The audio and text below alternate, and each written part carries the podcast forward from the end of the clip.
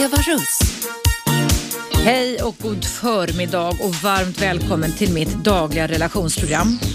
Idag så är det så kallad friåkning och det är ju ett begrepp här på Radio 1 och det innebär att du som just nu lyssnar på mig och som kanske också har lust att lyssna på mig ända fram till klockan 12 idag i direktsändning är varmt välkommen att ringa in till mig och ställa frågor, debattera, ventilera olika typer av problem eller åsikter som har just med relationsproblem att göra. Och numret hit är som vanligt 0200 11 12 13 0200 11 12 13. Och eh, det går också bra att mejla till mig och då kommer min producent Ina in till mig med brev eller mejlskörden. Eh, och då är mejladressen till mig eva radio 1 snabel a gmail.com. Jag tänkte först börja med att ventilera en egen åsikt om veckan som har gått eftersom det här ändå är en åsiktsradio. Och Det handlar faktiskt om den här jättestora rättegången i Norge gentemot en massmördare vars namn är bannlyst i mitt program.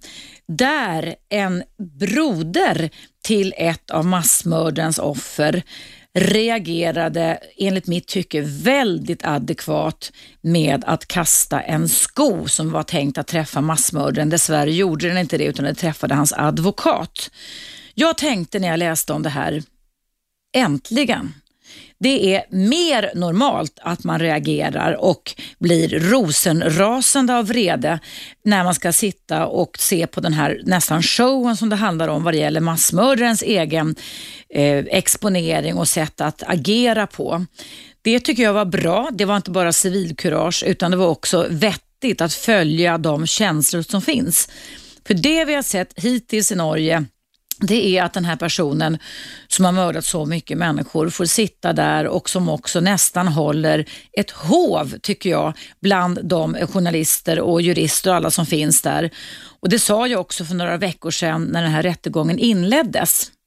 Att jag tycker att det är en typisk katt och råttalek som vi ser, där eh, rätten och de som jobbar där inte är, verkar vara ett dugg, i alla fall då, mentalt, psykiskt och mentalt förberedda på att kunna veta vem de hade framför sig. För det är alltså någonting som är nog så viktigt, vare sig man är som jag, psykolog och psykoterapeut, eller om man är advokat eller domare, så måste man ha klart för sig att i ett sånt här brott som är alltså i Norge sett bland det värsta efter andra världskriget, då måste man ha kunskaper kring vad är det för person som sitter framför en. Så jag tycker det var bra att den här brodern kastade en sko. Han hade kunnat kasta två skor också eh, och det var synd att de inte träffade. Jag tycker det är en adekvat reaktion att få lätta på trycket. En annan åsikt som jag har eh, det är att det nu i dagarna inleddes en rättegång i Malmö eh, gentemot en annan misstänkt eh, seriemördare. Och eh, nästan varje dag så ser jag på löpsedlarna i olika tidningar varför. Vi måste förstå varför det här kunde hända.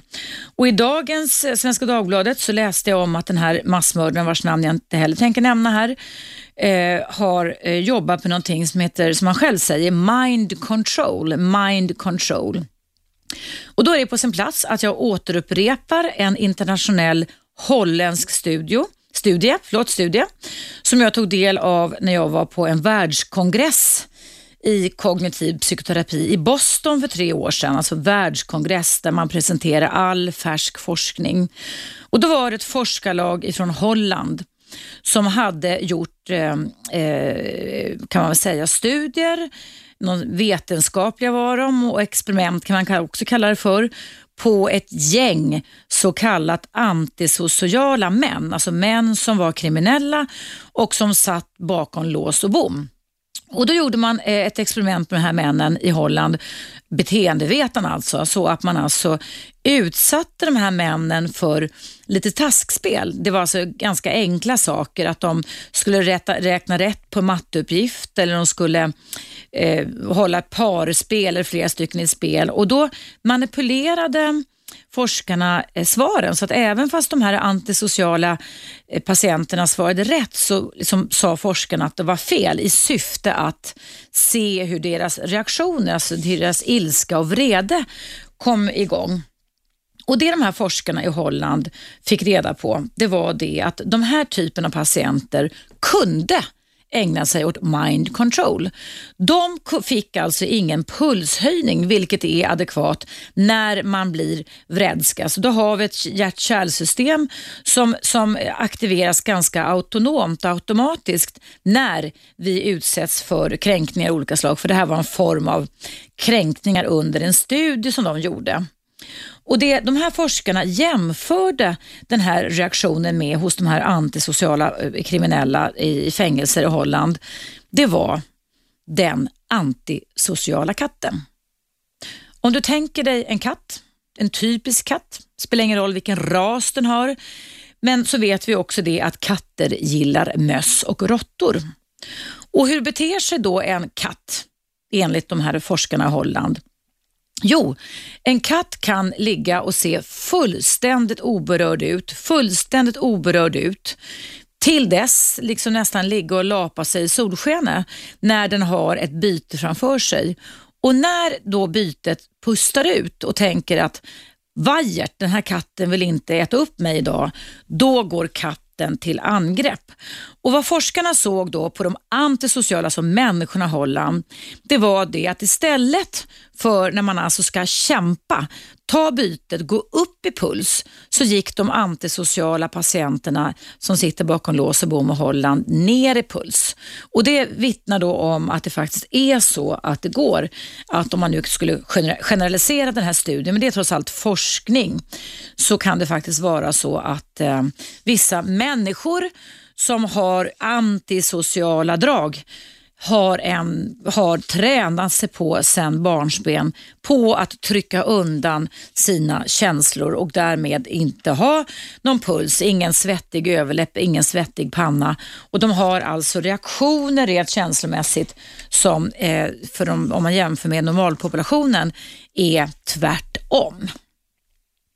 Ja, då fick jag det sagt. Nu ska jag inte prata mer om mina åsikter under veckan som har gått, utan jag ska, nu ska jag läsa upp ett mejl ifrån en kvinna som har mejlat mig här i veckan. Hon skriver så här, hon heter Marie, hon skriver så här. Jag känner mig så ensam och övergiven på mitt jobb just nu. Jag ska försöka göra det kort.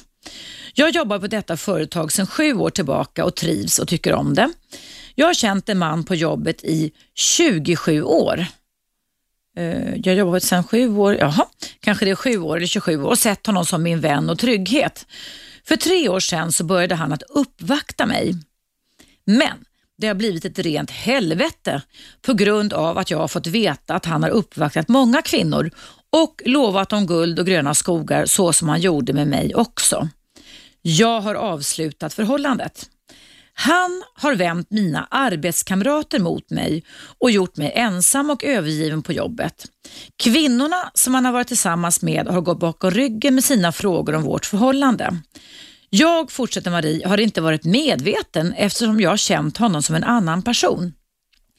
Alla tycker om, om han, alla tycker om, och han tror på alla tycker om honom och tror på att, och han ser upp till honom. Förlåt, det var lite konstigt skrivet här. Ingen tror på mig fast att jag är otroligt ledsen över att jag har haft en psykopat runt omkring mig. Vissa kvinnor är så olojala mot varandra. Om jag bara hade viss, vetat att så många kvinnor har varit utsatta för honom så hade jag ju aldrig riskerat detta genom att ge mig in i ett förhållande på jobbet. Ingen pratar med mig, de ser att jag är problemet eftersom han är omtyckt. Jag behöver hjälp, hur ska jag gå tillväga? Ja, Marie och du som känner igen dig i detta. Eh, det är ju svårt att sätta en diagnos som psykopat men helt klart är att den här personen som drabbat dig har olika så kallade delpersonligheter.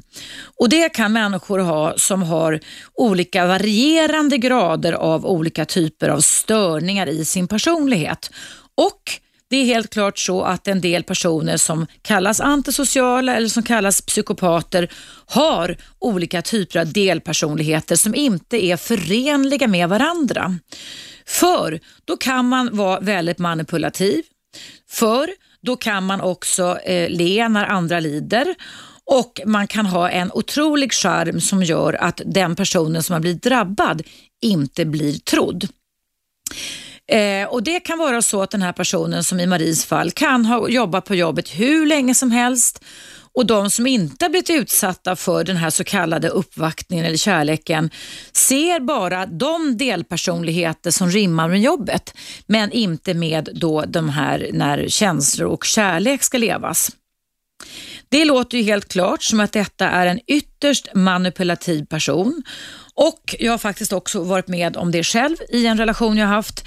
Det är just det här att man går bakom ryggen på vänner, nära och kära och försöker vända andra emot den. Det är bland det mest ohyggliga och värsta en person kan utsättas för. Vad jag tycker du ska göra Marie, det är att eh, sluta att bry dig om vad andra tycker och tänker. Och Jag ska ge dig mer råd om hur du ska hantera den här så kallade vardagspsykopaten på ditt arbete efter pausen som kommer nu. Så om du som lyssnar och är intresserad av mitt svar på den här lyssnarfrågan, så vänta kvar för just nu är det en liten paus här och efter den så kommer jag att fortsätta att prata fritt med dig som lyssnar och du är alltså välkommen att ringa in till mig och numret är 0200 11 12 13. Vi hörs strax.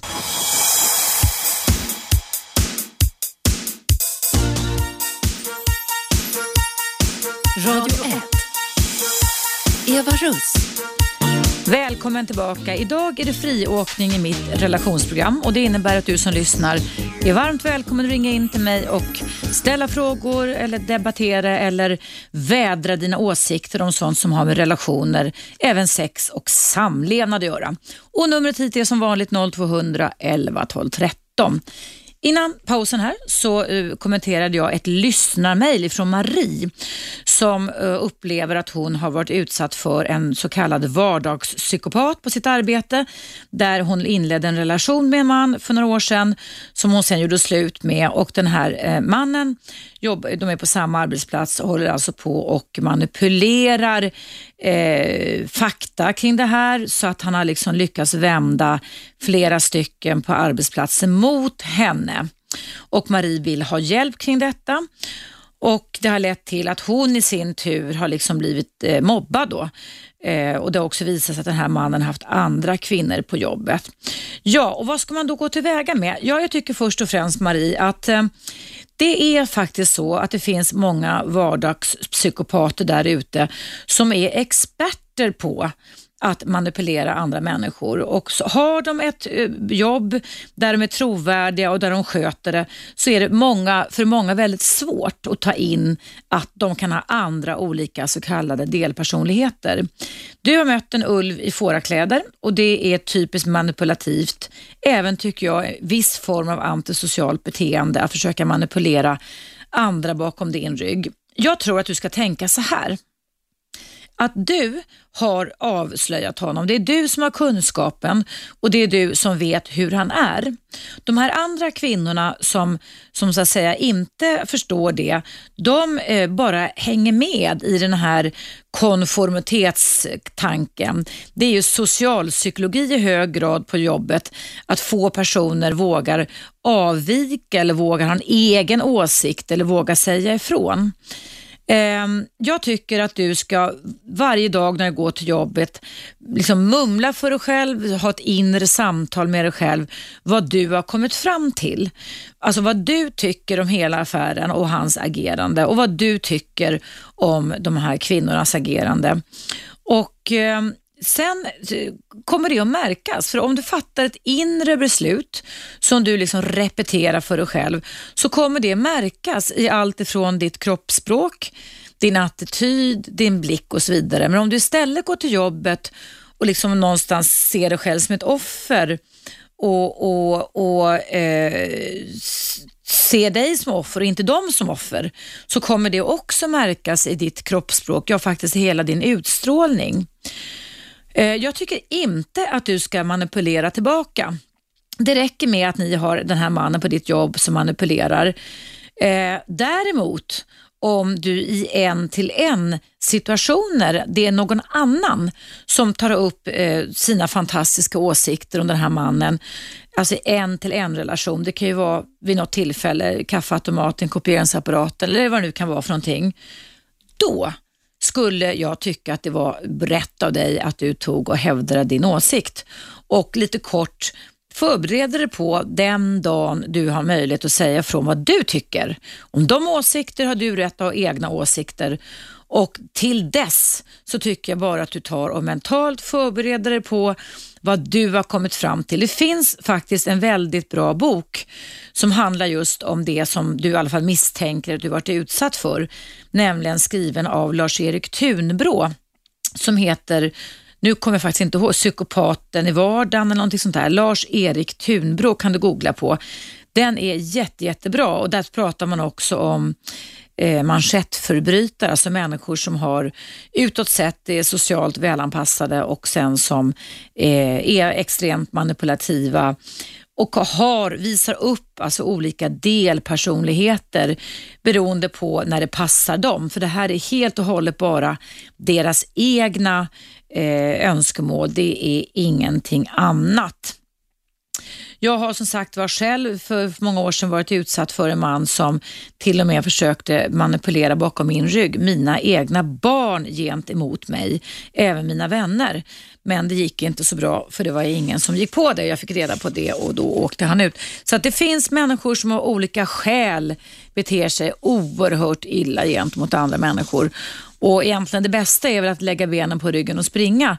Men det enda sättet tycker jag det är att neutralisera den här personen.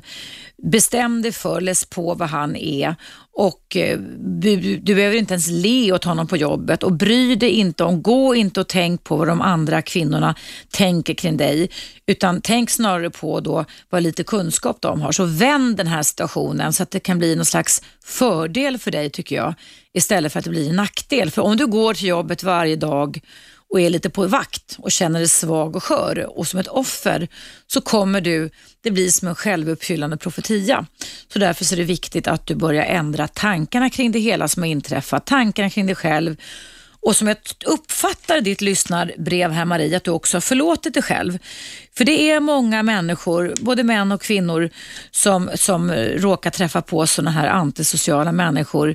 Eh, det är inte bara vi i olika vårdyrken som duttar med dem och tror att vi kan bota dem, utan det finns också många andra som går på eh, de här personerna som har olika delpersonligheter. Och Det är läskiga personlighetstyper som man träffar väldigt hala för de byter skepnad hela tiden. Men håll dig till din sanning och bry dig inte om att tankeläsa dem på jobbet Marie. Ja, nog kommentarer om det. Om du Marie har någon mer fråga kring det här så kan du väl höra av dig till mig igen. Och Du lyssnar alltså på Radio 1, Eva Russ och det är mitt dagliga relationsprogram. Och Idag är det fritt för dig att ringa in och ställa frågor eller debattera eller belysa allting som har med relationer att göra. Numret hit är som vanligt 0200 11 12 13 och mejladressen till mig just nu är evaradio1 snabelagmail.com Nu ska jag läsa upp ett mejl ifrån en mamma och dotter som vill vara anonyma. Hon skriver så här. Eh, Min 12-åriga dotter har en kompis som inte får åka buss själv, inte får gå på gatorna ens i sällskap med flera kompisar på dagtid och inte får leka utomhus hemma hos andra kompisar om inte någon förälder är hemma. Trots att vi bor i en jättetrygg, jättetrygg förort där inte ens finns någon farlig trafik. Troligen har mamman själv råkat ut för något som liten, men vi är rädda att hon nu för över sin egen rädsla på dottern. Dessutom begränsar hon dotterns kompisar som av lojalitet mot sin kompis inte gör sånt som hon inte får göra. Nu undrar min dotter hur hon ska bete sig och dottern är alltså 12 år. Det här är hennes allra bästa kompis. Ny för oss så vi känner inte föräldrarna särskilt bra alls. Men de verkar jättetrevliga och vettiga på alla andra sätt. Min dotter skulle gärna vilja uppmuntra kompisen på ett vänligt sätt att vara lite citat rebellisk och tillåta sig att göra helt ofarliga saker som alla hennes andra kompisar får göra. Men hon vill inte göra sig ovän och riskera att mamma ska be sin dotter att undvika min dotter som för att hon är en dålig influens. Men varken hon eller jag tycker att det är rätt att foga sig efter mammas hårda regel, regler, parentes och kanske också osunda neuroser. Det har jag själv lärt mig, eh, säger mamman då som har neurotiker i familjen, att det bara förstärker deras neuroser och gör att alla närstående trippar på tå för dennes tvång. Min dotter är nu rädd att alla andra kompisar, kompisar ska tröttna på att umgås med den här kompisen som begränsar dem så att de inte längre kan leka i sitt lilla gäng som har så roligt tillsammans. Vi är villrådiga och vill gärna få lite kloka råd hur vi ska bete oss på bästa sätt. Tusen tack. Vi kanske kunde få reda på vilket program du eventuellt kan svara. Ja, så ledsen alltså, men eh, jag hoppas att du lyssnar på det här. Det här programmet går också i repris ikväll klockan 22 var jag var lite virrig igår här när jag och Hazar pratade om vilken tid reprisen är. 22.00 varje vardag. Men om du laddar ner en ah, gratisapp så kan du lyssna på programmen i repris när du vill och du kan också ladda ner en, lyssna på eh, radio1.play.se eh, och lyssna på det här. Ja, mitt råd då till mamman här, jag tycker då att det här ska gå på föräldranivån. Det här ska inte lösas på kompisnivån. Eh, jag tycker att det är ett alldeles utmärkt sätt att ni som föräldrar bjuder hem de här föräldrarna till flickan i och med att de är vänner nu. Det behöver inte vara så högtidligt på något sätt. Och pratar om allt möjligt kring det här. Kanske inte första gången utan först så handlar det om att skapa en relation. Att ni lär känna varandra och att ni kanske kan där smyga in lite information om att ni har bott där länge och att det är så väldigt tryggt och så vidare och inte någon farlig trafik. Och ställa frågor lite sådär försiktigt. Hur tycker ni? Hur tänker ni? Och sådär. Jag tror inte man ska ge sig på människor man inte känner första man gör och försöka förändra dem. Utan förändring enligt alla psykologiska lagar som jag känner till, det sker när vi känner oss trygga. Så om någon person känner sig lite otrygg så är alltså det väldigt svårt att sätta in förändringsåtgärder. Då blir den vanliga strategin att man klamrar sig fast vid sig själv eller vid det som man har bestämt sig för. Så börja bygga en relation och låt det ta lite tid. Och sen kan när ni väl har en relation till er, e-, era torvåriga döttrars föräldrar så kan ni väl sen ta ställning till hur ni ska kunna gå vidare med det här. Men jag tycker inte att ni ska uppvigla dottern. De är faktiskt bara 12 år gamla också, eller 12 år unga också. Och även om det är så, nu lägger jag in en liten brasklapp här, att ni bor i en jättetrygg förort, så kan det faktiskt också finnas fog för och skäl för att man är vaksamma, inte minst om minderåriga barn och flickor, även pojkar, när våren kommer och sommaren kommer. Det finns alltid folk som lurar i vassen och som man inte riktigt vet när de dyker upp. Så att ni kanske kan prata om rädslor och sådana saker och så lär, alltså lär känna dotterns kompis föräldrar så ni får en relation. Och när ni väl har fått relationen, när den har byggts, då kan ni börja prata om hur ska vi lösa det här? Finns det någon möjlighet? Men inte anklagande utan mer möjlighetsskapande. Men för att förändra måste vi vara trygga, så förändra inte inte förrän det finns en trygg anknytning er emellan.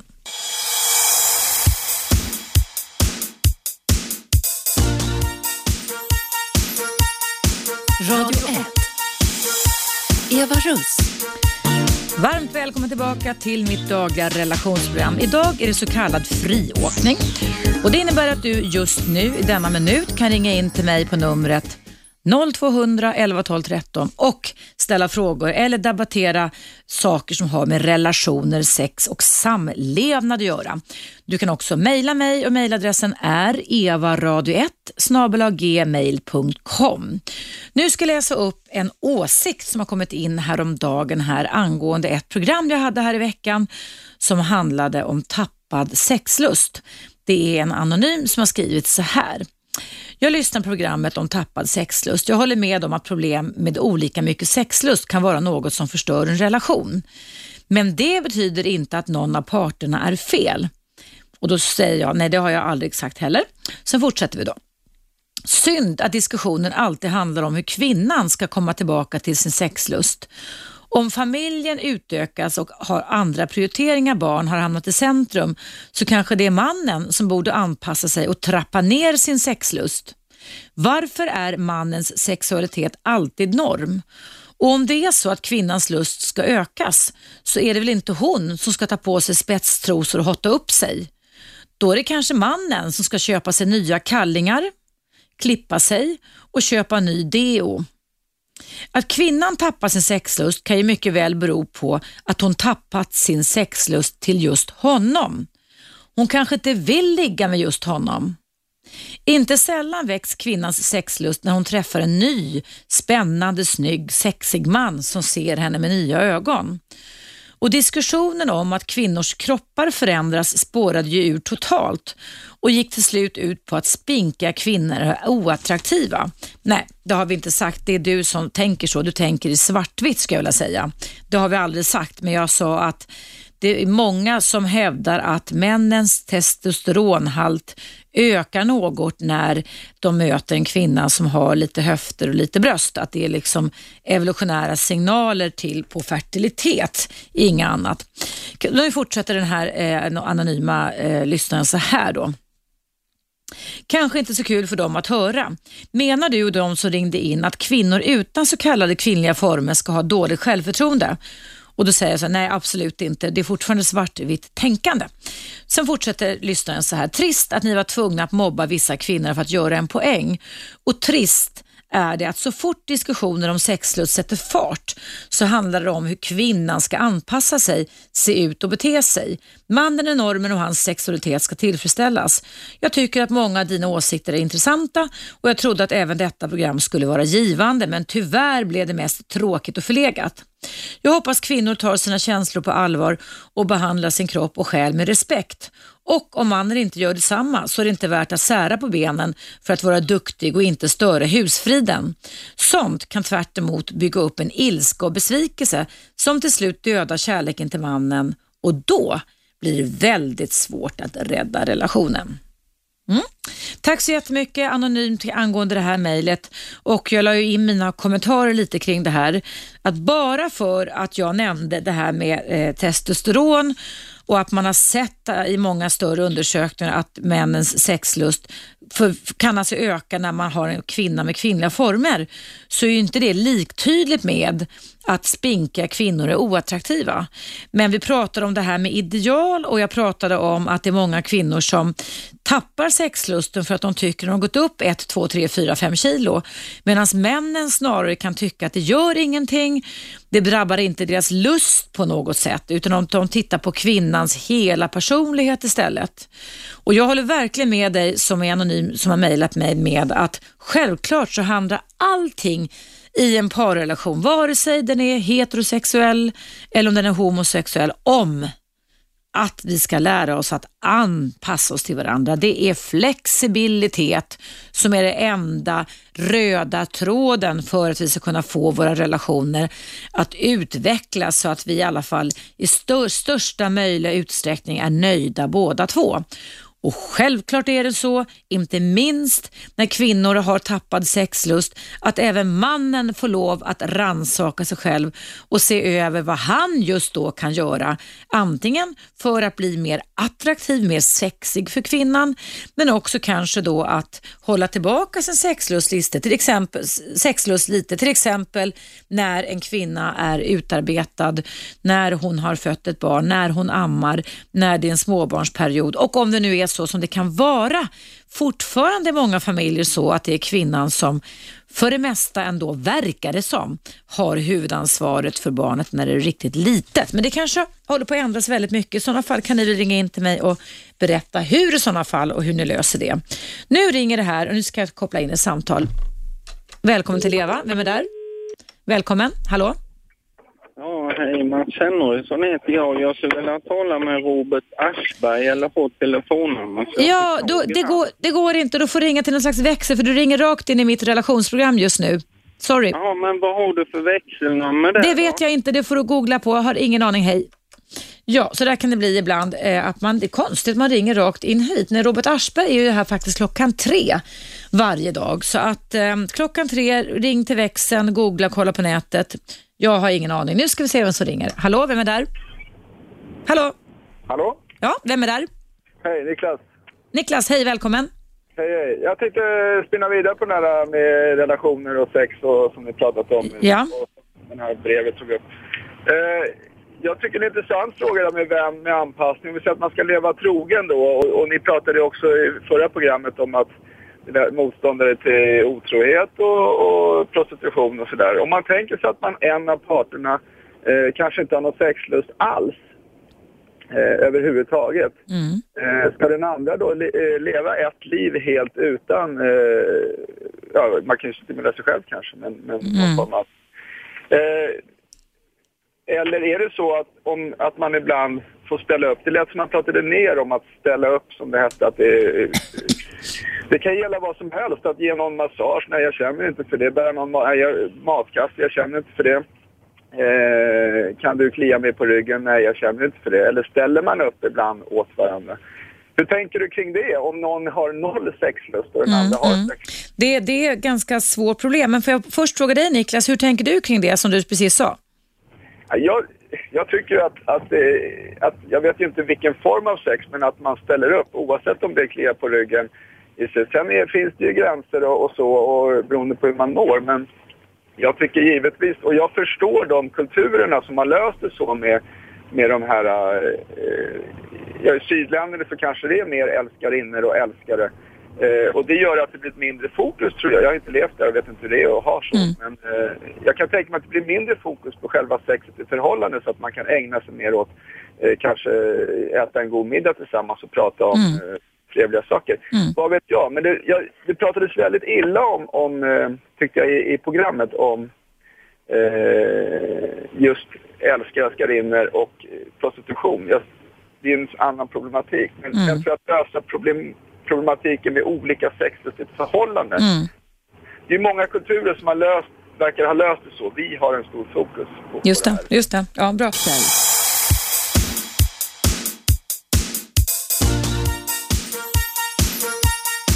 Radio 1. Eva Russ. Välkommen tillbaka. Idag är det fritt här på Radio 1. Det är- handlar om relationer ända fram till klockan 12 och du kan ringa in till mig på 0200 11 12 13. Nu ska jag fortsätta mitt samtal med Niklas som jag hoppas är kvar där. Hallå?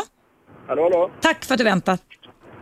Jo, du ringde in till mig innan pausen och eh, diskuterade det här med tappad sexlust och din åsikt var den att man när man lever i en parrelation att man emellanåt får lov att ställa upp på varandra fast man inte alltid är så sugen, eller hur?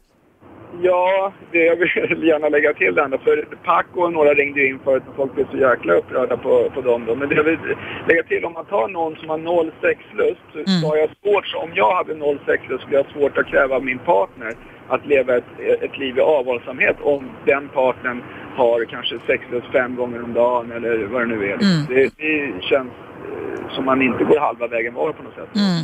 Nej, det, det jag satt- och tänkte på Niklas, på din fråga, det var hur man ska lösa det när en person har helt stängt av sexlusten och det handlar givetvis om under en längre period, för det kan ju stängas av emellanåt på grund av alla både yt- yttre och inre omständigheter. Ja, det kan ju vara hela livet. Ja, alltså vi pratar om det här permanenta, så att säga, att det blir så. Ja, Och det, Men även om det är fem år, tre år, alltså alla har ju sin gräns. Ja, ja, jag menar det. Nej, alltså, lever man i en parrelation så tycker jag att det här med kommunikation är egentligen lösning på det mesta. Att man törs prata, att man vågar prata om hur ska jag, hur ska vi lösa det här tillsammans när inte jag får det som jag behöver och du inte vill, inte ens på minsta lilla sätt hjälpa mig att kunna få det. Och där är det ju upp till varje par om man nu eh, eh, vågar fokusera på problemet, vilket ju man måste göra, för annars kan man inte lösa någonting heller. Och pr- prata lite kring det här. Alltså, jag är inte vän, kan jag säga, av den här otrohetssajterna som finns i Stock eller Sverige just nu. Jag är inte vän av det, eftersom jag vet att i någon större undersökning jag relaterar till Niklas, så sa ju de flesta som var där, en större procent, att de gjorde detta bakom ryggen på sin partner. Men visst, självklart skulle det kunna vara så att om det är tji, att vad man än gör så får man ingen eh, relation, sexuell relation med sin partner. Att en del personer kan bli så besvikna och frustrerade så det kan vara en lösning för dem.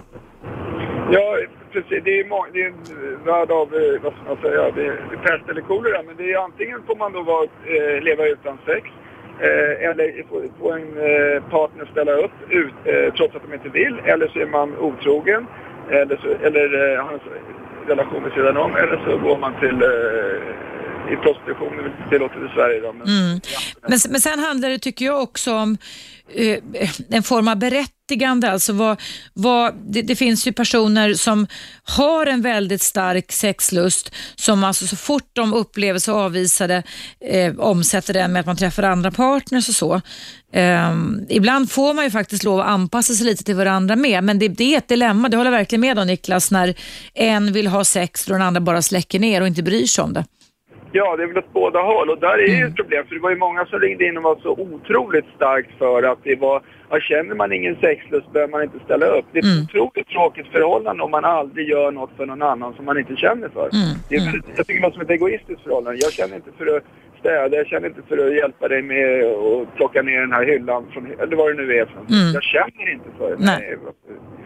Så det var det. Och sen, eh, eh, jag tycker det är en intressant diskussion. Jag tror att många par har den här diskussionen hemma, levande. Eh, men eh, den andra grejen där med tjockisar och, och smalisar Mm. som ni pratar om. Jag tycker att ni, ni var på och jag tycker också att i samhället idag att det är lite lättare att vara på smalisarna än tjockisarna.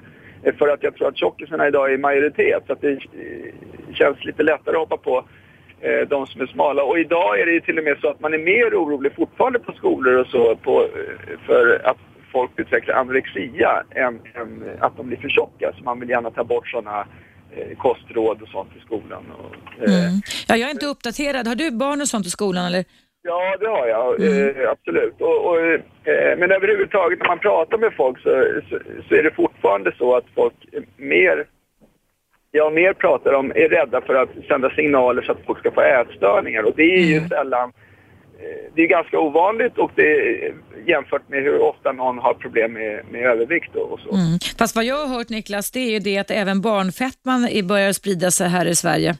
Att det börjar bli ett problem. Att för mycket stillasittande framför datorer och, och annat. Va? Ja, och jag tycker att det är så här med, apropå tjockisar och eh, hälsoideal, så är det ju så här att, att även med sexlust och sånt så handlar det om att man är tränad och, och har ett hälsoideal som i alla fall håller sig inom BMI. Liksom. Och, Mm. eh, det kan ju givetvis vara personligt, men det måste ju vara okej att tycka att, eh, att övervikt är någonting eh, eh, galet. Det är inte bra. Nej, nej, alltså rejäl övervikt. Men det jag tog upp i programmet det var ifrån mina samtal med kvinnor som vägde kanske fem kilo för mycket eller tre kilo. Eller att det liksom satte sig på sexlusten direkt för de kändes inte attraktiva. Medan deras män, för jag pratade med männen också, tyckte att de var fortfarande lika sexiga. Ja, så kan det ju vara. Men idag har vi gått upp 8 kilo på 10 år eller någonting. Det har ju gått oerhört fort. Så att 5 kilo plus 8 kilo, det börjar bli mycket i... eh, Jag tycker att vi ska... Ja. Men hoppa gärna på smala. Jag tycker ni gjorde det också. Du höll inte med den där inskribenten som skrev in. Nej, nej, nej. Nej. Men jag vill, ja, Ja. intressant fråga. Tack snälla Niklas för dina åsikter. Tack för att du väntade kvar så länge. Tack, hej. Tack snälla. Hej, hej. Ja, tack Niklas än en gång. Det är alltså fritt för dig som lyssnar just nu att ringa in och debattera, diskutera veckan som har gått eller andra åsikter som jag tar upp i mitt relationsprogram. Och numret hit, ja det är som vanligt 0200 11 12 13. 0211 12 13 och eh, mejladressen är också som vanligt evaradio1 snabelaggmail.com. Ja, då ska jag eh, kommentera en eh, kille som heter Anton som har mejlat in till mig. Det står så här. Lyssna på dig varje dag Eva, kanonprogram. Tack så mycket. Och så skriver Anton så här. Kan du prata om oss som är ofrivilligt singel? Frågetecken. Känns som om jag aldrig ska hitta någon trevlig tjej att leva med. Har dejtat några stycken som jag träffat via Match.com men det klickar liksom aldrig och blir jag lite mer intresserad brukar tjejen backa. Hur svårt ska det vara? Frågetecken. När jag var 20 var det hur lätt som helst att hitta, hitta nya tjejer. Nu är jag 35 och vill verkligen bilda familj men nu verkar det vara helt kört. Blir lite deppig av och till faktiskt. Hur kan jag få mer positiv energi och locka tjejerna med? Hälsningar Anton. Ja Anton, ehm, det här är någonting som jag vet att många eh, människor i realtid nu upplever, nämligen när man checkar in på internetsajter. Det är många som träffas på det sättet också. Men jag har träffat så otroligt mycket folk som känner sig i varierande åldrar eh, ratade för snabbt. Att oftast blir det här bumerangkänslan lite, att eh, man kastas mot varandra, så kastas man iväg. Och oftast tycker jag problemet är att väldigt många är uppkopplade mot väldigt många samtidigt. Så det innebär att man inte har tid eller anser sig ha tid eller råd att ägna kvalitetstid åt en person och det är en förutsättning för att man ska kunna lära känna en person att man måste ha tid till att fördjupa relationen så att man därmed kan ta ställning till om man har eh, hyfsade värderingar som man gillar, att man lär känna den här personligheten ordentligt.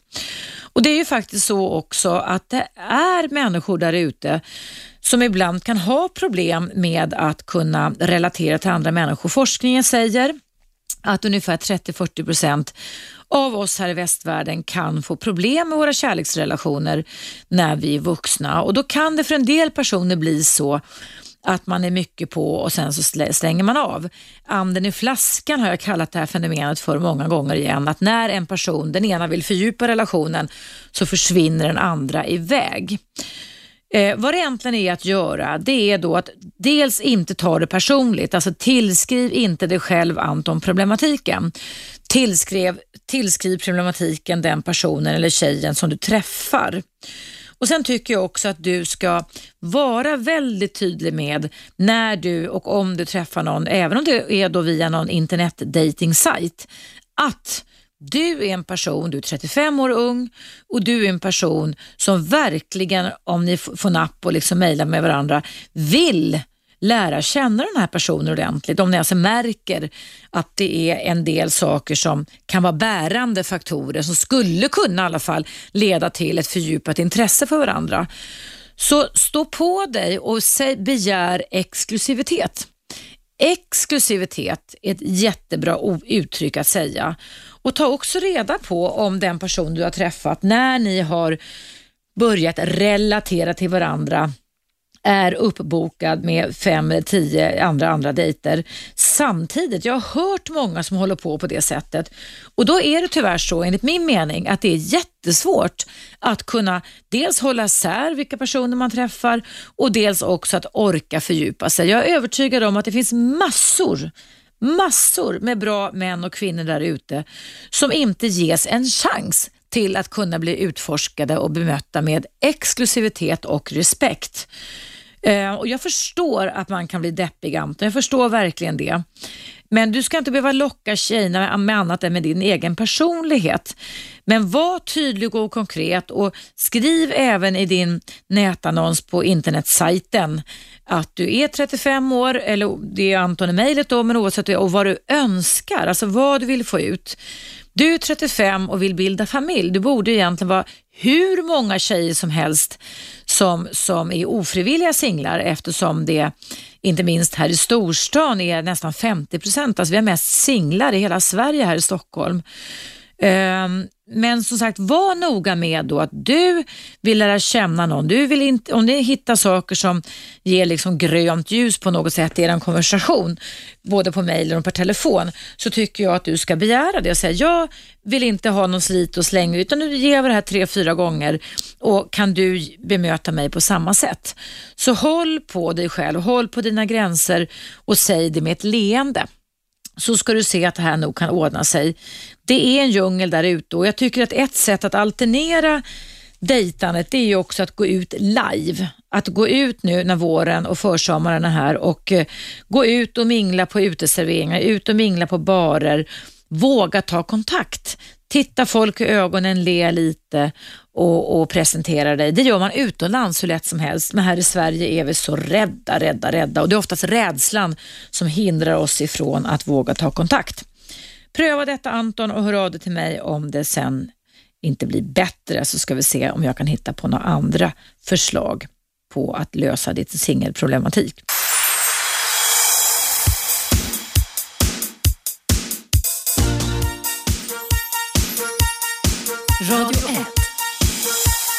Eva Russ. Varmt välkommen tillbaka. Idag är det fritt här i mitt relationsprogram ända fram till klockan 12. Kan du som lyssnar på mig just nu ringa in på numret 0200 11 12 13 och ställa frågor kring relationer. Och Jag hade en Lille här på tråden i pausen, men nu vet jag inte vad som har hänt. Jag ska se om Lille är kvar. Hallå, är du kvar? Ja, ja. Toppen, vad fint. Det såg så konstigt ut på min display så jag trodde jag hade tryckt på fel knapp. På. Ja, det var så skönt att höra, för det, det var du som la på, inte jag som Ja, gjorde ja. något konstigt. Men vad bra. Nej, nej. Nej, nej. Härligt. Välkommen till mitt program. Du är trebarnsmamma, berättade för mig i pausen. Ja, Dina barn är 24, 11 och 13. Vad vill du debattera just kring barn? just kring barn så var det väldigt pådrag igår eh, på Aschberg då, då, om att barn är lata. Och eh, jag skulle vilja säga att jag tycker inte att de är lata utan de är bortskämda utav våran generation i sådana fall. Så att ett barn kommer ju inte bara till världen och, och blir lat utan det är ju vi som, ja, vårat levande som skapar det. Vad menar du, hur definierar du då lille lat, lathet, lata barn? Hur Om man sig de säger sig? en, en lat, ja ett lat, ett barn som är lat, den ligger och, och har liksom ingen ambition att göra någonting och eventuellt tar efter en förälder då som kanske eventuellt är likadan. Eh, en bort, ett bortskämt barn, det är ju ett barn som eh, har fått tillgång till det föräldrarna har fått om man kan leva gott kanske. Man eh, åker omkring i fina bilar och man eh, kanske har det gott ställt helt enkelt.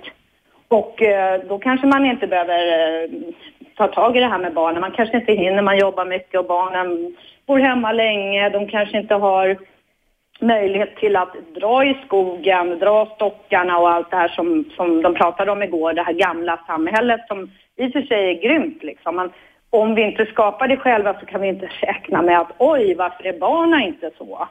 Jag, jag tycker det är självklart att, att det är inte så konstigt. Det är ju utvecklingen, den har vi bidragit till själva. Hur gör, man då, hur gör man då Lillo, tycker du, som är trebarnsmor för att se till att barn inte blir så bortskämda och inte så lata? Man lever som man lär, vilket är jättesvårt, skulle jag också vilja tycka och säga. Det, det, det är ju liksom nästan det bästa. Man kanske inte köper Porsche, man kanske inte håller på att dra fram alla de här balla grejerna, utan man kanske talar om för barnen att så här och så här fungerar det. Och det var någon som sa i- igår också att ja, de sitter bara för, framför datorerna. Men barnen köper inte datorer själva, utan det är vi som tycker att det är smidigt, för då kan vi göra något annat och så sitter de där.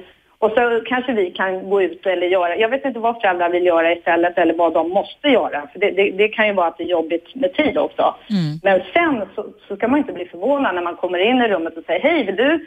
var någon som sa att det var svårt att blanda hamburgare på McDonalds. Jo, men när man slår upp datorerna så är ju Bill Gates där. Det är inte någon som vänder liksom, hamburgare på McDonalds. Så man kanske måste tänka lite på hur man beter sig också. Jag har ju tre barn också som nu i och för sig då är 22, 26 och 31. Men jag har ju alltid involverat dem i saker och ting och fått dem att hjälpa till hemma. Och då, då många grannar där vi har bott har alltid sagt att jag har väldigt hjälpsamma barn och artiga barn. Men som också, de har inte varit bortskämda och inte lata heller, men de har inte jobbat ihjäl sig heller. Utan de har fått förstå varför de måste hjälpa till och vara involverade i vissa saker som berör familjen. Men i tonårsperioden så är det ju tyvärr lite sådär, va, med, med när de var det i alla fall, lite svårare givetvis. Men den går ju ganska fort över ändå. Och eh, tränar man barn på en tidig nivå, det är färdighetsträning det handlar om tycker jag, så sitter det resten av livet. Mm, jag tycker det låter jättebra det du säger där. Och jag håller med om att de är absolut segare i, i just den åldern att det blir lite sådär att de vill bestämma själva och lite sådär. Men samtidigt ett mönster är ju ett mönster. Har man det insatt i kroppen så på något sätt så har man någon, någon, någon känsla av vad som, vad som skulle kunna gå. Vad som inte skulle kunna gå. Mm. Och glassiga yrken hit och dit. Okej, det är klart att alla vill det. Det är ju en lögn om, om, ingen, om man säger att ingen skulle vilja det. Men just det här att, att barn ska vara lata, det är just det jag känner, nej, det tycker inte jag ett barn blir bara av sig själv, utan det kommer från någonting. Självklart, Och det kommer från uppfostran, alltså förhållningssättet, värderingar man har i familjen. Och Självklart. då kände jag så här igår när alla ringde in, eller inte alla, men de som ringde in och sa så. Ja, vad konstigt att de är lata. Ja, men vilka är det som är lata från början då? då? Mm. Föräldrarna. Ja, det måste ju vara så, annars kan inte jag lägga ihop det. Mm. Så det är kanske där man borde börja. Det är väl så också att det finns något som heter det sociala arvet, Lilly. Och det innebär ju då att man ibland upprepar beteenden i generationer igenom utan, så länge man inte blir ifrågasatt eller så länge man inte kommer till en vändpunkt där man känner att det här var inte så bra, så att säga. Nej, nej. För vi härmar ju omedvetet och medvetet varandras beteenden från generationer. Mm. Jo, visst är det det. Sen är det ju så också att det kanske inte är så roligt. Jag vet inte vilka som tycker det är så himla roligt att stå på McDonalds och vända hamburgare. Sen kan det ju vara så att nå- någon gång kanske man behöver göra det och pröva det. Det är inte alls så jag, liksom, att jag inte tycker det. Men jag tycker bara att man ska tänka på hur, hur man lägger fram det. Barn är lata. Nej, jag säger nej där, tveklöst. Ja, toppen. Tack, tack säga. snälla för dina åsikter idag. Ha det jättebra Ja, i helgen. Hej då. Hej, hej, hej. Ja, det är alltså fritt för dig som vill diskutera kring relationer eller debattera eller också till och med ställa frågor till mig. Numret hit är 0200 11 12 13 och jag har någon till som ringer här tror jag. Hallå? Jag känner, känner jag. Albin här. Hej Albin, välkommen till mitt program. Har vi pratats vid förut? Eh, ja, det har vi. Jag tyckte jag kände igen din röst. Jag har bra ljud, ljudminne tycker jag. hur, är, hur är det med dig då? Jo, det är bra faktiskt. Eh, jag tänkte lite på det här med just lata barn och sånt där och barnuppfostran. Och det jag tänkte på med bortskämdhet och det där Mm. har ju väldigt mycket med... Det inte, handlar inte om att få mycket bra saker utan det handlar om att man reglerar hur folk får. Aschberg hade en bra gäst igår som tog upp just det här med att idag är det mesta för tonåringar gratis. Det finns inte mycket att sträva efter fram till att man kommer upp i jobbåldern. Mm. Man kan ladda hem film och musik gratis på internet. Det är inte lagligt, men du kan. Mm. Och eh, alla grejer, man kan få det mesta. Eh, och man får det. Vilket gör att man inte har så mycket att sträva efter och jobba efter. Mm. Förrän man kommer upp till den åldern när man vill börja skaffa familj, boende, eget liv. Mm. Egna saker. Mm. Och det tror jag ligger mycket i det. Eh, jag vet bland annat att jag hade fördelen när jag växte upp att min pappa satsade på allt som jag ville vad det gällde liksom idrott och sånt där. Det var aldrig några begränsningar i ekonomin på sådana saker. Mm. Men däremot kunde det vara sådana banala saker som att jag hade varit på en konsert på fredagen och så kom ett av mina favoritband på lördagen helt oannonserat. Jag hade missat det. Och så gick jag till honom och jag ville så gärna gå och se det här. Ja, fast då har du redan förbrukat och du har inte sparat några pengar så då får du vara utan det.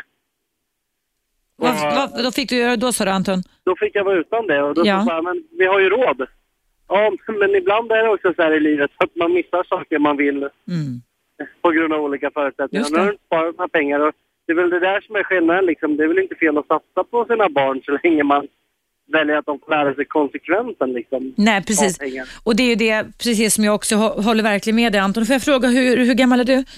27. 27, ja. Jag, jag tycker också det, alltså att krav och konsekvenser, alltså det är ju inlärning. Det är ju så vi lär oss olika typ, typer av beteenden och ibland är det ju faktiskt så att det finns inga trollspön och man får bita det sura äpplet. Man inte alltid kan få allt exakt just då. Den här omedelbara behovstillfredsställelsen i samhället tycker jag är lite farlig. Om det nu är så att man till exempel som du säger Albin har föräldrar som har enormt obegränsade resurser. Jag är inte övertygad om att man gör barnen gladare eller lyckligare. Nej, men jag tror det också. Sen spelar det ingen roll om kvaliteten på saken är bra eller dålig, utan det handlar ju mer om att ibland måste det göra ont. ibland måste det vara tråkigt, ibland måste det vara tyst och stilla. Det kan inte alltid vara full fart och fläkt. Liksom. Nej, och det är precis så som det gäller i alla relationer, även i kärleksrelationer. Och då ska man inte behöva göra slut eller drabbas av panik heller, om man nu får lägga in det på relationsbiten i parrelationer också. Så att säga. Jag tänkte också lite på det. Och, och, och det var en annan grej också, jag måste bara fråga för att klara det här för mig själv. Det här med otrohetsgrejen som ni pratade om. Ja. så som jag förstår som du uttrycker det, det är inte fel att ligga med flera i en relation. Problemet är väl att man ljuger om det och berättar inte för den andra. Ja, alltså, jag, jag, jag, ty, jag tycker att det är fel att man ska ligga med flera när man har, att, att, att man ska inte göra det när man har en relation. Men om det är så att man hamnar i en total permanentad, rigid och statisk återvändsgränd där det år efter år är så och man är, att den ena förvägrar intimitet och den andra håller på att explodera så tycker jag i sådana fall av, av sexlust och önskan om detta att komma nära. Så då måste man ju ett, kommunicera om det. Man måste våga prata parrelationer och även sånt som känns konstigt och knäppt. Va? Det, det tycker jag är nummer ett. Och, Jo, och är det så att det inte går så får man väl jobba med att tillfredsställa sig själv, ladda ner porr och sådana saker. Och är det så att det inte räcker, för det handlar ju om ox, oxytocin, det handlar om beröring va, som man får när man, man kommer nära någon, även sexuellt så får väl var och en, men det är ingenting jag uppmuntrar till verkligen, bestämma då om man ska checka in på någon otrohetssajt, vad man ska göra. Jag vet inte, det är, det, det är ett svårt dilemma, men jag tycker någonstans att problem i en parrelation som angår parrelationen bör lösas först, i, ta avstamp i parrelationens kommunikation. Jag är inte också problemet ofta att det är lätt för den som är otrogen att vara det, men svårt att acceptera. Alltså, även den som är otrogen accepterar ju inte motsatta. Nej, precis. Det är väl det som är problemet. Mm, Att ja. Alla kan väl tänka sig mer eller mindre vara otrogna men inte bli utsatt för det själva. Exakt, exakt. Det visar ju Det många studier också. Ja, visst. För att jag vet själv att ehm, jag har lite det problemet att jag är väldigt eh, låg på det där. Jag, det kan gå i vågor det där med sexlust och Mm.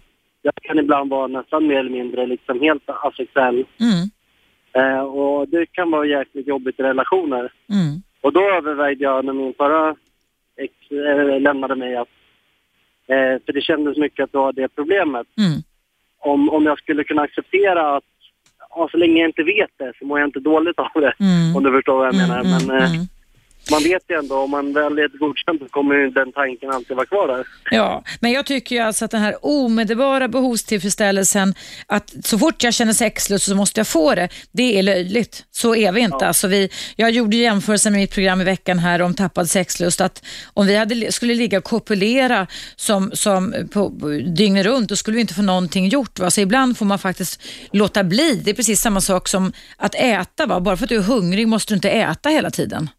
Men kan du förstå oron då från mig då? Som Ja, det kan jag förstå. Att eh, fixa den där sexlusten. Ja, det kan jag förstå. Det, att Det, det är svårt att veta att den partner jag kommer hitta kommer förmodligen ha en helt annan drift. Så det, det är inte säkert. förstår Du får prata om det redan i början, lite hur du funkar. det här var det vi pratade om förra gången. Ja. Att, eh, det här med att jag förutsätter vad andra tänker. Ja, jag menar det. Du kommer ihåg det.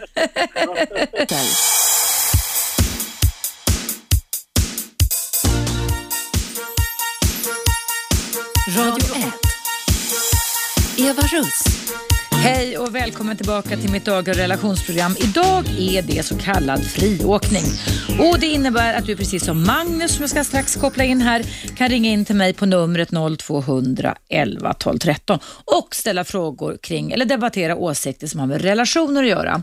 Hallå Magnus! Hej! Berätta vad du vill berätta för mig och lyssnarna. Ja, nej, jag tänkte på det här med barnuppfostran då. Att barn blir passiva. Mm. Så eh, hemma hos mig är jag ensamstående med min son. Och vi har eh, någonting som kallas eh, innegångsförbud. Innegångsförbud säger du? Ja, ja, är det fint väder och sådär så då, då är man ute tills, tills det blir kväll. Mm. Ur, ur och skur-dagis fast för en 11-åring kan man säga då eller? Ja, alltså det där är... Eh, jag vet i vintras när det var sådär jättedåligt väder så var han och hans kompis ute. Jag sa att ni har utegångsförbud, eller innegångsförbud och så får ni komma in om en timme och spela 45 minuter. För de får spela tv-spel i 45 minuter då. Men eh, efter tre timmar så... Eh, jag visste var de var någonstans. Så gick jag ut och så sa jag, har ni glömt bort tiden grabbar? Då var de ute, det var de enda ungarna som var ute fast det var inte sådär jättebra väder. Men de byggde snökoja. Mm. Det är ju det som, den typen av aktiviteter och lekfullhet som barnen tappar när de bara sitter framför datorn. Ja, och nu den... I veckan här så försvinner tv-spelet helt. Jaså, varför det? Vad fan, det är sommar. Snälla. Aha, igen. så det är, så, nu är årstiden nu, då är det inget... Men du, får han sitta 11-åringen vid datorn då? Inte ett dugg. Inte alls? Ingenting. Nej. Gör han kommer det... att göra det lite senare i och med att han har fått stavningsprogram från skolan och sådär. Ja, Men, eh, men inget, nej, inget spel och sånt. nej, nej. Vad tycker du Magnus, om jag bara får fråga dig om din åsikt. När och vad tycker du, eller rättare sagt så här, hur länge tänker du eh, idka den här eh, pedagogiken kan man väl säga med ett innegångsförbud? Om man tänker på ålder relaterat till din sons ålder som just nu är 11 år. Åh herregud. Har du tänkt den tanken? nej, jag ser fram emot tonåren. ja, det är en utmaning det, men det är ganska roligt tycker jag ändå. Ja, alltså jag, jag, jag ser fram emot det. Mm. Mitt jobb det är liksom att stå där som en klippa som han stöter emot. Men jag ska stå kvar. Jag ska inte liksom tycka så jäkla mycket hela tiden. Utan Nej. jag ska finnas för honom. Mm, det är rätt jag vet, inte, jag vet inte riktigt hur länge... Uh, alltså han kommer ju få andra intressen. Jag menar, det är, Tjejer och annat kanske, eller killar. Och plus, Ja, men, men sen kommer han också att intresse, Magnus, att säga så här, alla andra får, alla andra har. Ja, det gör han redan. Det gör han redan? Ja. Ja, för fasen. Och då säger jag så här, ja, för jag, jag vet ju att han spelar ju förmodligen minst tv-spel bland alla killar i klassen. Och då har jag sagt att, ja, men du har en pappa som bryr dig. Mm. Och han brukar säga, ja, men hur kan, det, hur kan det betyda något? Att du älskar mig och jag inte får spela tv-spel. Hur kan det höra ihop? ja, just det. Och det, ja, det, vi, men vi pratar väldigt mycket också. Mm, vi har en levande dialog hela tiden. Du, är han, finns det någon mamma i bilden han är hos ibland också? Eller? Ja, han är hos sin mamma varannan helg. Hur funkar det där? Har ni samma innegångsförbud du och hon också? Nej, det har vi inte. Och Så det är jag- andra regler där än, än hemma hos dig då? Det vill jag inte uttala mig om. Nej. Men det kan ju barn köpa också i och för sig. Alltså det viktiga tycker jag är när man sätter upp någon slags förbud eller en pedagogik kring det här, det är att man är konsekvent ändå. Ja, det måste finnas en konsekvens. Jag, menar, jag kan inte ändra mig. Eh, Det, det går inte. Jag, jag är klippan. Det är jag som jag bestämmer. Jag brukar säga det att vi har en diktatur, en demokratisk dik- diktatur. Hemma. Jo, men jag vill veta vad han tycker. Mm. Men det är jag som har, har bestämmande rätt. Ja, ja, och det har man som förälder för vi ska se till att våra barn får det bra och värna och måna och skydda dem också. Jag ska ha bestämmande rätt. Mm. Jag har sett den här reklamen på tv när, när, när barnen ska bestämma tv-program. Mm. Vansinne. Ja, ja. Totalt vansinne. Mm. Det är Mm. jag som bestämmer. Ja. Men, jag, men, men min son, han, han är en del av mitt liv och mitt hushåll. Så vad han tycker och tänker, och jag menar, jag måste lära honom att som vuxen så... Alltså, vi, vi har inte alltid rätt. Vi tror gärna det, vi vuxna. Mm.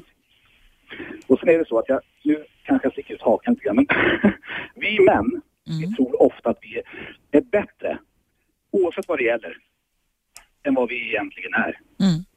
Tycker du att ni, ni män, om jag nu törs säga så till dig Magnus, att ni män eh, har någon slags kollektiv syn på detta? Omedvetet kanske?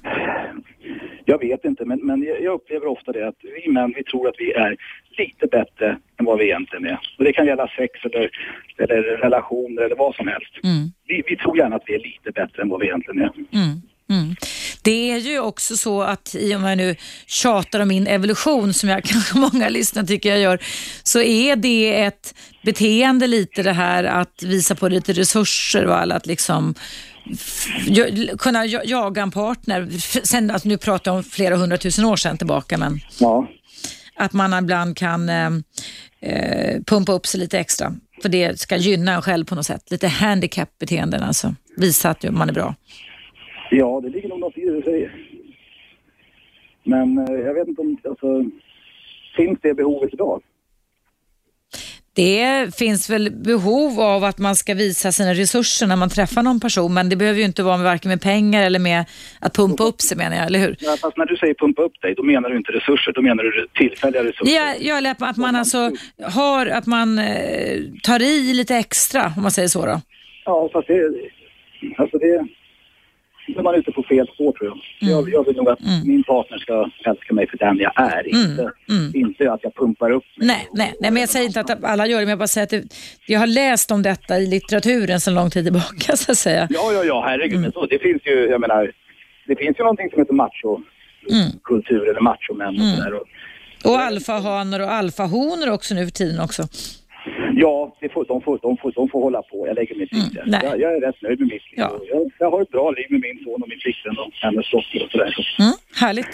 Det låter toppen. Det låter jättehärligt Magnus. Tack så jättemycket för dina åsikter och ditt eh, begrepp här om innegångsförbud. Det är säkert många föräldrar som hajar till när du berättar om det här och faktiskt kan ta till sig det. Jag tycker det låter väldigt vettigt måste jag säga. Det är underbart om, man- om, om det sker i samförstånd med barnen. Ja, toppen. Fortsätt med det. Hoppa, ha, ha en trevlig helg också. Ja. Ja, tack hej så mycket detsamma. Tack, hej. Ja, kära lyssnare, det var alltså innegångsförbud för en 11-åring. Det tycker jag var en bra idé, en bra sak att göra. Nu ska jag läsa upp ett kort mejl, eller kommentera ett kort mejl som jag ska kommentera efter nyheterna som kommer alldeles strax. Det är från en 30-årig tjej som har träffat en kille där hon tycker att allting ska gå så himla fort. Det ska, eh, hon känner sig pressad, det ska vara sex det första som händer nästan.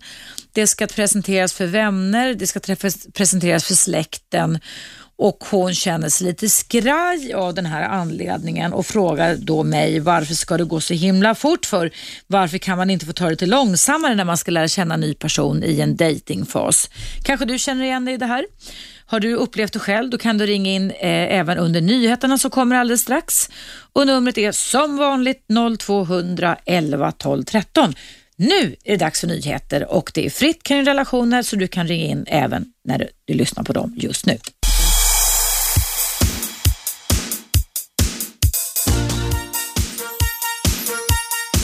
Radio 1. Eva Russ. Mycket välkommen tillbaka till mitt relationsprogram. Idag är det friåkning. Numret hit är 0200 11 12 13. Och du kan göra så som Lennart har gjort. Hallå Lennart! Ja, hallå ja. Du har ringt in till mig och ville debattera en liten kortis kring det här med lata barn. Ja, för att det var så igår när Aschberg efter klockan 15 är det då, han har ju sitt program då, var det allmänna temat där då, allmänt tema om det där och eh, folk ringde in och de flesta var väldigt negativa just, tyckte att barn var otroligt lata och, och så vidare. Va? Jag tycker det där beror väl också på föräldrarna. Man ska inte bara kasta skit på barnen så att säga.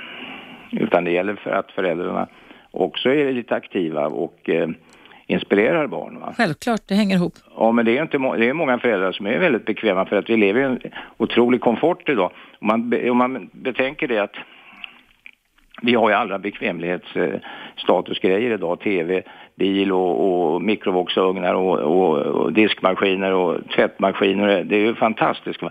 Vardagsmotionen är ju inte så utpräglad. Det, det, det vet jag, forskarna säger idag att hälsostatusen under andra världskriget när det var starka ransoneringar då då var ju, har aldrig svenska folket varit så friska som de var då, under den epoken. För att man rörde sig mycket. Jag bara erinrar när man läser lite historik tillbaka, bara några årtionden. Man hade nog som en landskamp som heter Riksmarschen. Då utmanade man Finland och Finland utmanade Sverige. Och då var, gick man ur hus och gick en mil. Va? Hur många skulle palla med det idag? Och, och jag har sett någon gammal journalfilm vet du, där de hade målgång uppe vid, eh, vid Sjöhistoriska museet där på, på, eh, norra, eh, på norra Djurgården Ja. Hur det kom folk alltså kämpade där och det var en äldre man där i, hatt och överrock vet du. Han var säkert född på 1880-talet var ute och knallade där va. Jag kan säga att min far som är idag 84 år, så härstammar från Dalarna, när han var, från det att han var 12 tror jag, så cyklade han sex mil om dagen. Tre mil dit, tre mil hem till en ort i Dalarna, när han extra jobbade på sommaren och ibland på helgerna, på cykel, Ja. på grusvägar. Och, och eh, nu ska man inte prata om att det var bättre förr, inte så, men det här med att röra på sig, för det du gick igång på Lennart, det var då Magnus eh, tips om att ha ett innegångsförbud för sin 11-åriga son, eller hur? Ja, det där tycker jag borde gälla föräldrarna också i så fall, att de är ute och rör på sig också. Va? När, du är, när du talar om din far där, jag vet ju min farfar berättade, han jobbade ju på Södermalm då och han, och han gick fram och tillbaka tur och retur till arbetet va? och det Alltså en enkel resa så säger eller gång, eh, som gånggängare tog ungefär nästan en timme va. Så han gick i princip två timmar om dagen va. Ja. Och hur många gör det idag? För att idag vet man ju, folk eh, flåsar ner till bilen och, och kör några kvarter bara för att handla någonting va. Och det är klart att förr var det ju ett jävla slit och släpande vet du va. Det var, det var ju det, folk fick ju släpa och slita på ett annat sätt va. Man hade ju längre arbetsdagar men man jobbade i 48 timmar och dessförinnan så kanske man hade 12-14 timmars arbetsdag va. Så att det är ju, en- men jag tror också det beror på att barnen är be- bekväma. Det beror ju också på att eh, deras föräldrar är jävligt, väldigt bekväma. Barn härmar vad föräldrarna det gör gör, de. så De att det är ju så. sina föräldrar. Så att jag sa till Robban igår när jag ringde in med att även om man går tillbaka till antiken så klagade man på ungdomen och barnen. Va? Under Sokrates epok va, så sa man att barnen var ohyfsade och, och, och alltså inte eh, stämde efter deras mått va, att vara på den tiden. Mm, Ja. Men vad ska man göra för att aktivera, aktivera barn? Nu var det någon som sa det att det här med att man, eh, ungarna ska ut och rasa. Grejen är ju också den när jag var barn, vet du, växte upp på 50 60-talet. Då kunde man ju cykla och gå va. Men idag är det väl, så mycket faror, det är en intensiv trafik idag va. Och det är så mycket eh, svår, det är kanske är lite svåråtkomligare för barn att vara, utomhusaktiva med om man bor i Stockholm va. Tror du inte det? Mot förr i världen. ja, Lennart, det måste jag tänka. Det tror jag faktiskt inte egentligen. Alltså, det, det tror jag faktiskt inte. För att det är en hisklig trafik Mm. idag och stress va. Och det, det, det har ju blivit förtätat innevatten. Mm. Jo, det va. stämmer. Absolut, det gör det. är Men, så men förtätat idag allting va. ja. Det, det är påtagligt mycket mer folk. Det flyttar in en 35-40 tusen per år va. ja, ja. Och det är en jäkla konstig regionalpolitik de har i Sverige va. Mm, När det breder vidare ut sig på Europakartan. Men, men, men, detta, men, men att leka är viktigt. Att leka även upp i vuxen ålder, även i en parrelation är viktigt. Och leka med andra barn är en väldigt viktig resurs för att man ska kunna utvecklas till en bra människa och lära sig gränser, lära sig tolka andra människors kroppsspråk och lära sig var gränsen går och lära sig att be om förlåt om man ger någon någon oförmodad eller icke menad smäll och så vidare. Va? Och så att, att leka är också ett sätt att lära känna sin kropp och relatera till andra människor. Och leka gör ju i och för sig unga när de sitter och spelar tv-spel ihop, men det är inte samma typ av fysisk Nej, aktivitet. Va? Grejen är den att det heter ju lek och idrott. Va? De olympiska lekarna alltså. Mm. Ja, just det, OL. Det var ju det, att, och, och det är ju väldigt viktigt det där att den här spontan, spontaniteten, vad jag inbillar mig när vi växte upp, den, Mm. den kanske inte finns på samma vis idag för att idag så är också mer krävande, man måste ha fritidspedagoger utav olika slag för att aktivera Ja, för- ja, visst, också. ja. Jag kommer ihåg när vi var grabbar då, vi, vi var ett gäng, vi hittade på själva. Vi hade olympiska spelen uppe på Östermalms idrottsplats och i Liljanskogen. Mm. Och då hade vi tagit kapsyler från, du vet, såna här em, ölflaskor. Mm. Det fanns ju blått och gult och brunt va. Och då var det respektive guld, silver och brons och då hade vi olympi... Vad roligt, ni delade ut medaljer sen.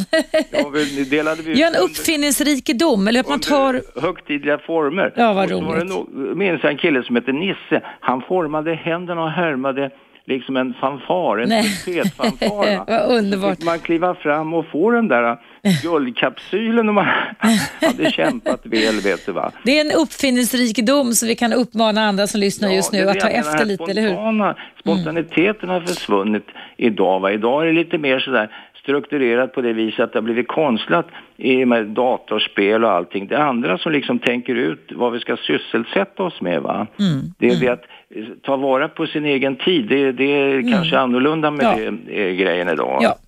Du Lennart, tack så jättemycket för ditt samtal. Nu ska jag fortsätta att prata. Jag, jag, jag tror inte barn är lata utan de, de är lika bekväma som oss vuxna här. Va? Ja, ja, ja. det, det, det är så det speglar sig. Ja. Okej, du ska tacka. Du. Tack själv. Hej, hej, hej.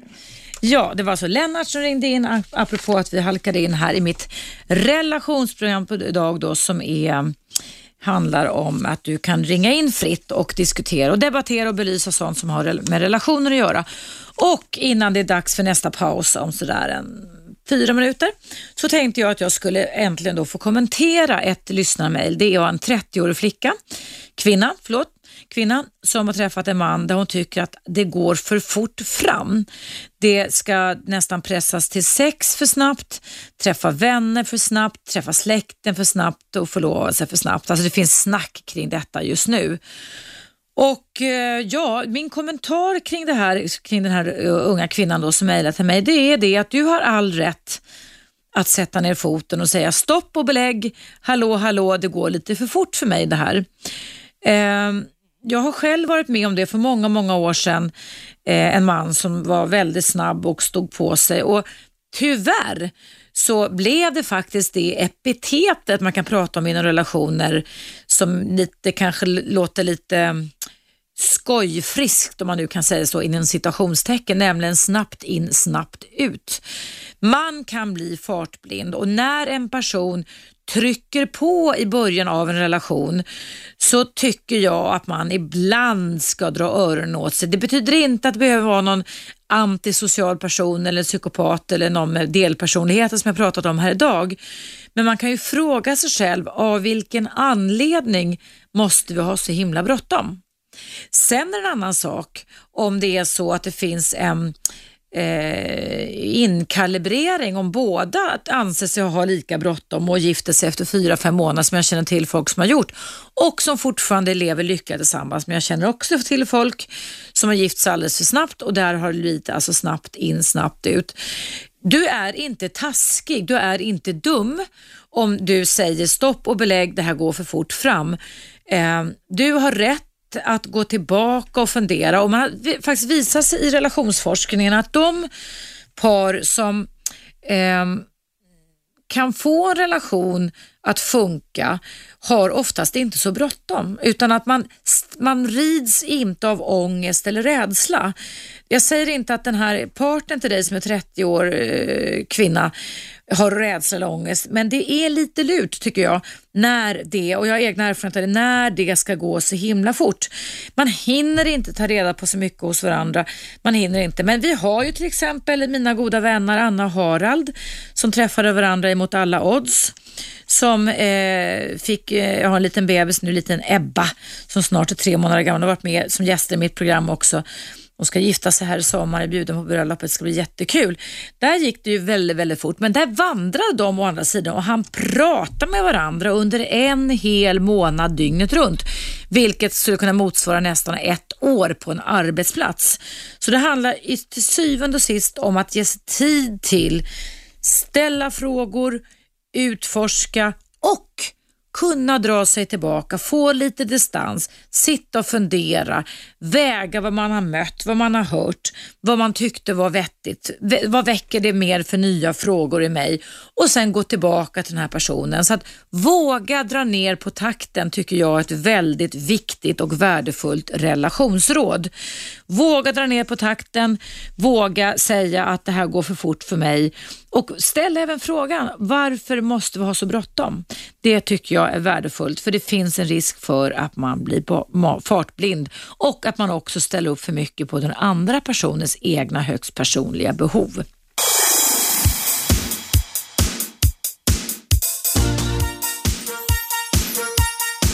Radio 1. Eva Russ.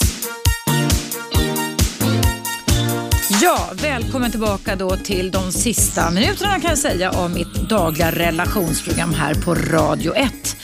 Eh, Vill du lyssna på det här programmet i repris så kan du göra det varje vardag klockan 22.00. Men du kan också ladda ner en gratis app där du ser en tjusig bild på mig och du kan också alltid gå in på radio1.play.se för att lyssna på programmen också, också via webben, alltså www.radio1.se. Och idag så har ämnet varit fritt. Det innebär att du har lyssnat på mig som har haft en, ett antal samtal med personer och lyssnare där ute som ville dryfta, kommentera, lägga till hur de löser sina olika typer av relationsproblem. Jag har under tiden jag satt här också fått ett lyssnarmail eh, och eh, det står så här. Hej Eva! Jag har problem med att kontrollera min ilska. Jag behöver hjälp. Vet inte hur jag ska göra för att bli av med mina utbrott. Jag har en familj och lever i en relation. Jag vill och måste göra något åt detta innan jag gör någon illa. Mer än jag redan har. Ledsna hälsningar Jocke. Mm, Jocke. För det första så vill jag ge dig en komplimang att det är fantastiskt att du har insikt i att dina vredesutbrott är okontrollerbara. Då har du faktiskt kommit en bra bit på väg mot ett bättre beteende. För det finns många människor där ute som har många utbrott och alltid låtsas som att de aldrig har skett. Så där tycker jag att det är jättebra att du har gjort det. Men jag förstår att det här är jätte, jättesvårt att kunna ta hand om själv. Jag skulle faktiskt rekommendera dig Jocke att eh, söka professionell hjälp. Eh, jag skulle faktiskt ja, rekommendera psykoterapi, eh, kognitiv beteendeterapi eftersom det här är ett beteende där dina tankar och känslor drar igång, du triggas av någonting, så tycker jag att det här är en typisk kognitiv beteendeterapiupplägg. Och även om det är så med kognitiv beteendeterapi att det ibland kan vara lite eh, dyrare att gå i, eh, i den, hos vissa i alla fall, än i normalt, för, alltså annan typ av terapiform kan man säga, så eh, är också behandlingstiden oftast mycket kortare. För det bygger på att man gör en kartläggning av dig Jocke. Man liksom försöker se de första två, tre gångerna och se Eh, om det här har varit ett problem som har funnits alltid i nära relationer, när det började, vad det eventuellt kan tänkas bero på, hur du har gjort tidigare för att hantera det på och vad du har gjort nu som vuxen man inom din familj men som inte har hjälpt. Så man kartlägger i en kognitiv beteendeterapi väldigt noga eh, lite orsak, verkan men också aktuella tankar, känslor och beteenden och också vilka strategier du har. Man brukar ibland också gå in och be dig skatta hur stark ilskan är. Alltså finns det någon skillnad på när du blir jätte, jättearg som kanske motsvarar 100% eller när det är 50% och vad gör du då? Hur ser tänket ut då? Så jag tycker att du bums ska gå in och googla och då ska du hitta någon som är legitimerad psykoterapeut. Det kan också gå bra med någon som är legitimerad psykolog också psykiatriker förstås, som är alltså läkare i botten, men som har KBT-intyg eller KBT-kompetens. Eh, tyvärr så tycker jag att det finns ibland alldeles för många som i dagsläget hävdar att de kan KBT. Men det brukar ta ganska lång tid innan man lär sig det. Själv har jobbat med det i mer än 11 års tid. Eh, och Det här tycker jag är en typisk KBT-träningsprogram. Och Det bästa för dig Jocke som har problem att kontrollera din ilska, det är just det här att du kommer att få hemmadesignade, alltså av terapeuten, hemmaövningar som du kan träna på hemma. Typ alltså när du känner att ilskan på en skala från 0 till 10 börjar svämma över. När du, om du känner att den är på 3 och du är rädd att det ska bli en 10 när den blir okontrollerbar din ilska så kan du alltså få övningar som hejdar dig i detta, som du kan öva på. Man kan ibland ladda, ladda ner appar appar också kring avslappning, kring mindfulness. Men alltså då kommer terapeuten att ge dig en väldig massa hemuppgifter som du ska öva, öva, öva. För det handlar om att öva bort och träna bort det här beteendet. Och sen som sagt var, det kan finnas en massa olika orsaker till varför du blir så himla arg. Eh, jag har erfarenhet av de människor jag har mött och behandlat att det kan finnas en otal olika anledningar till varför man är och går omkring och är väldigt frustrerad. Och Då kan det ibland räcka med att någon i ens närhet eh, påminner om, alltså att hjärnan har en tendens att generalisera och att det, det, någon i på omgivningen påminner mig om någonting som har smärtat mig någonstans i livet tidigare så att man i en millisekund överreagerar.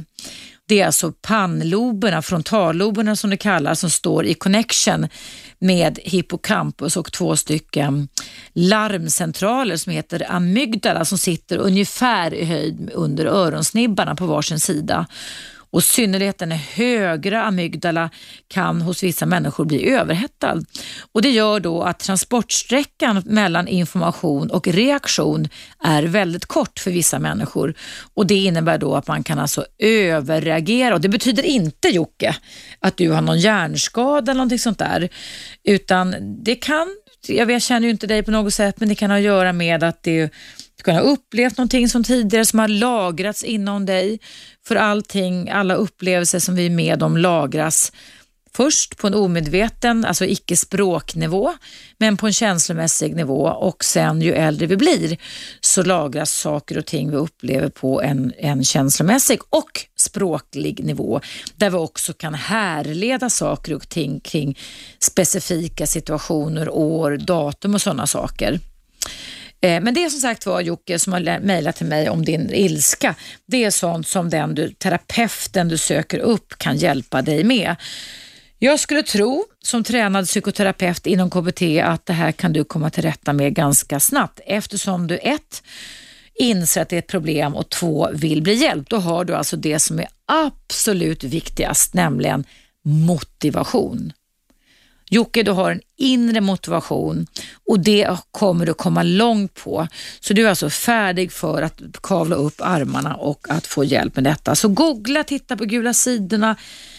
Eniro eh, efter legitimerad psykolog, legitimerad psykoterapeut och då ska du ställa krav på den här personen också. Nämligen den att eh, de har någon slags KBT-intyg och att de också gör någonting som är urviktigt världen över om man ska våga påstå att man jobbar med KBT. Och Det är nämligen det att man gör en så kallad konceptualisering, även kallat kartläggning. Jag upprepar, konceptualisering eller kartläggning som det heter på svenska ska alltid finnas med när man går till en person som säger att man går i KBT. Och Kartläggningen är ett sätt att kunna finna orsaker men också se hur det aktuella nu-mönstret är när du som Jocke här då överreagerar och har problem med ilskan. Eh, och Den ska också vara meningsfull, den ska inte vara hemlighetsfull så att bara terapeuten känner till det, utan det ska du få ta del av. Jag brukar ge mina klienter en kopia på det vi kommer fram till. Sen brukar vi resonera kring det här. Känns det, känner du igen det här? Man kan rita pilar och försöka förklara hur det här hänger ihop så att klienten då börjar förstå de olika sambanden och sammanhangen. Och Sen ska det alltså ingå ett fokus i terapin och det ska ingå att man designar hemuppgifter som, som designas just då utifrån det man har kommit fram till i det unika och specifika terapiögonblicket. Men som sagt var Jocke som har problem med att kontrollera ilskan, sök hjälp, jag skulle tro mellan tummen och pekfingret max tio gånger och du kommer få, få hjälp med detta för livet. Livet, nu kan jag inte prata, livet kommer du få hjälp med detta. Ja, kära lyssnare, nu börjar faktiskt tiden lida mot sitt slut. Jag har nu hållit låda här i nästan två timmar tillsammans med dig som har lyssnat och tillsammans med alla er som har mejlat mig.